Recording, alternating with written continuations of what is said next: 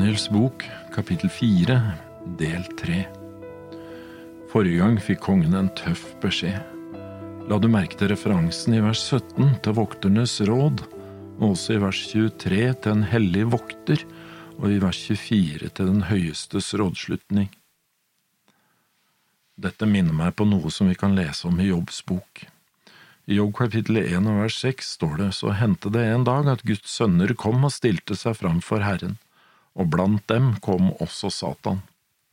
Der også var det et råd, og leser du videre i Jobbs bok, så vil du se at det var Satan som forårsaket naturkatastrofen og forårsaket ulykkene og sykdom og død. Ut fra teksten vet vi også hvordan Gud satte begrensninger for Satan i hans spill for å ødelegge jobb. Personlig tror jeg at Gud gjør det samme her, for kongen. Vi vet ikke noe om samtalen i Vokternes råd her, bortsett fra det vi leser i teksten. Det vi får her, er mer konklusjonen, at treets rotstubb skulle stå igjen, noe som indikerer at kongens liv skulle spares. Det minnes om det Herren sa til Satan i Jobb kapittel to vers seks. Se, han er i din hånd, spar bare livet hans. Det minner oss også om lignelsen Jesus fortalte om mannen som plantet et vintre i Lukas kapittel 13, men han fikk ikke frukt. Spar rundt treet et år til, kanskje det da vil gi frukt.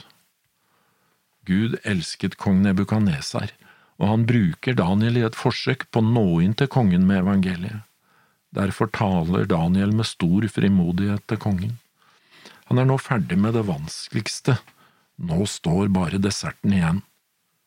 Konge, la mitt råd være deg til behag, løs deg fra dine synder med rettferdighet og fra din misgjerning med barmhjertighet mot fattige, så skal din lykke vare. Kjente du igjen evangeliet? Om du analyserer det Daniel sier, så er det rettferdiggjørelse ved tro eller er det rettferdiggjørelse ved gjerninger? Hvorfor sier han heller ikke tro på Gud? Jeg tror det er egentlig det han gjør. Skulle det bli noen rettferdighet og barmhjertighet, så måtte kongen søke Gud, ydmyke seg for Gud og ta imot Hans nåde, kraft til å bli rettferdig og barmhjertig. Han ville ikke være i stand til det av sin egen kraft. La derfor mitt råd være deg til behag, jeg tror Daniel er litt engstelig for ikke å nå fram til kongen i det å presentere Gud i det rette lyset, gjøre evangeliet tiltalende, men samtidig kraftig og virkningsfullt. Daniel ønsker virkelig kongens beste, noe vi kan se ut ifra vers 19. Måtte bare denne drømmen gjelde dem som hater deg og den tydning dine fiender. Jeg tror ikke Daniel er ute etter å øve utilbørlig press på kongen for å få kongen til å ta ved hans gudstro. Han ønsker av hjertet at kongen vil vurdere evangeliets tilbud som han presenterer i det neste øyeblikk. Det er Guds godhet som driver et menneske til omvendelse. Løs deg fra dine synder. Kongen trengte virkelig løslatelse. Han var stolt, og han var bundet til synd. Jeg tror ikke han helt hadde oppdaget det selv enda, men han demonstrerte det hele tiden. Selviskheten hans hadde makten over ham, stoltheten hans, det oppblåste jeget. Du er på gal vei, Nebukaneser. Stoltheten kommer til å ødelegge deg. Kom deg over på en annen vei, og gjør det ved å øve rettferdighet. Det er bare én måte å løse seg fra sin synd på, og det er å gå til Jesus og motta Kristi rettferdighet. Jeg tror ikke Daniel mente at kongen selv skulle produsere sin egen rettferdighet.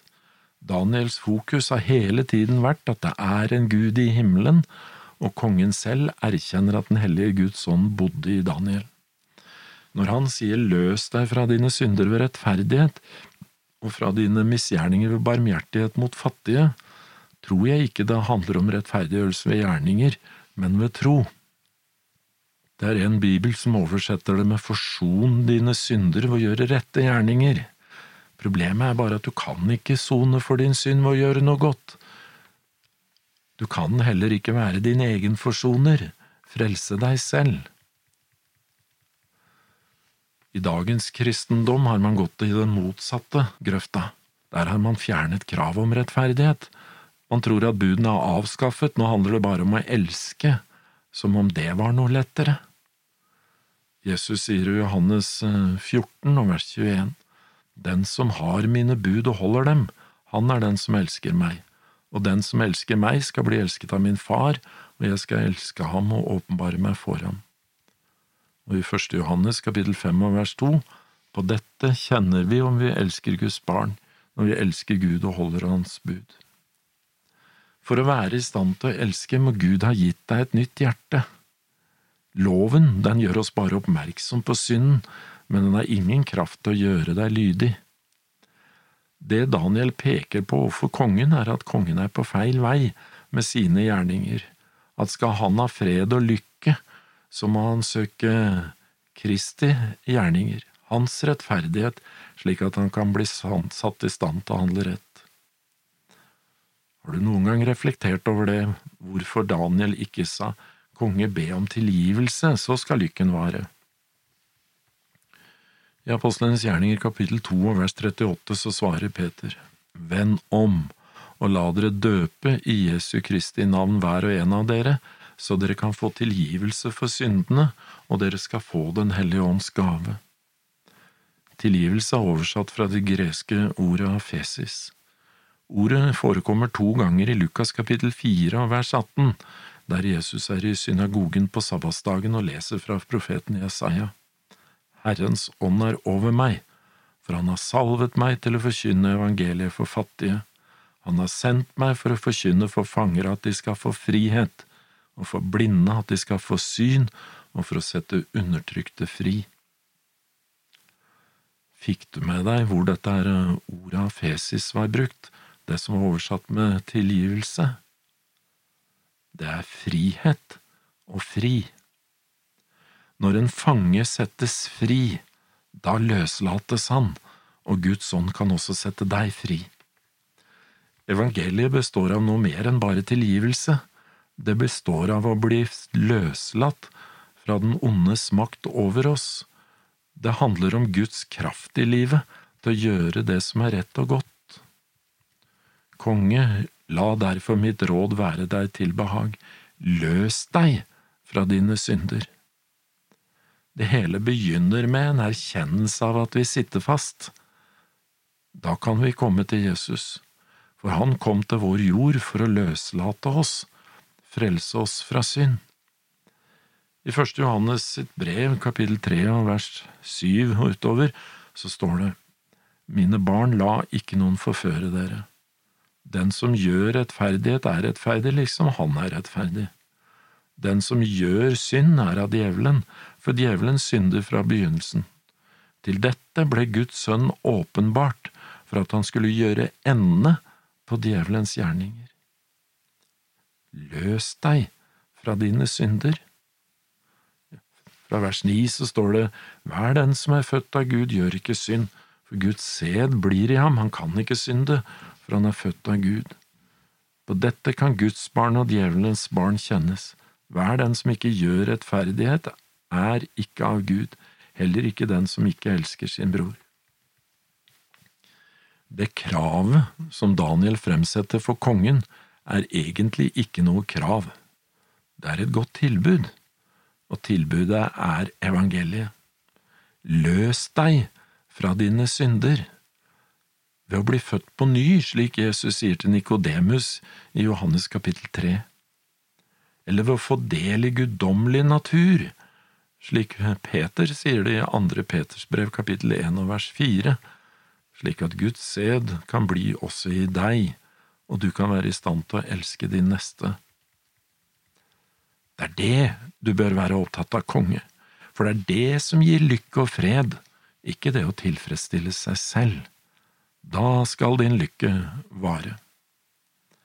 Selvtilfredsstillelse kan gi oss en midlertidig rus, men det biter etterpå, for tomheten blir større.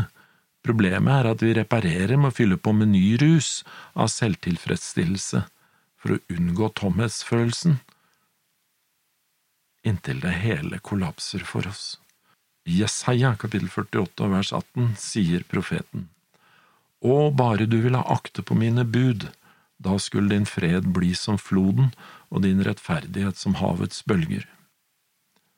Budene har ikke noe kraft i seg til å gjøre deg rettferdig, det er derfor det står i Romerne kapittel 8 fra vers 3, for det som var umulig for loven, fordi den er maktesløs på grunn av kjødet, det gjorde Gud da han sendte sin egen sønn i syndig kjøds lignelse for syndens skyld og fordømte synden i kjødet, for at lovens rettferdighet skulle bli oppfylt i oss, vi som ikke vandrer etter kjødet, men etter ånd.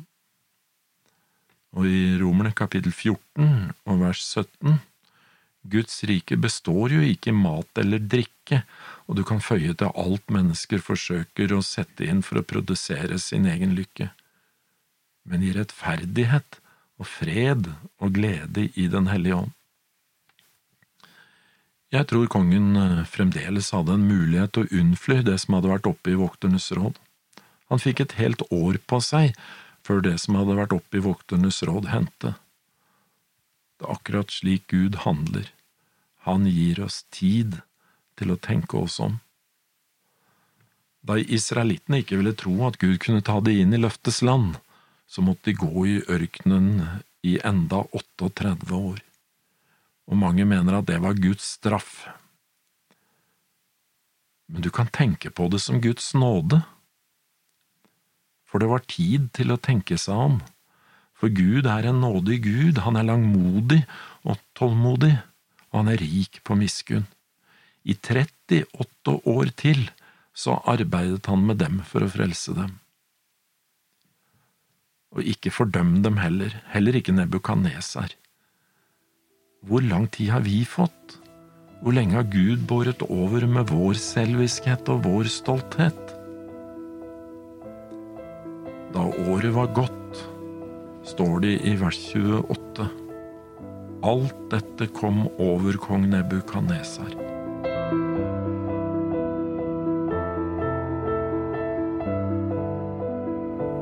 Neste gang så skal vi se hvordan det går med kongen.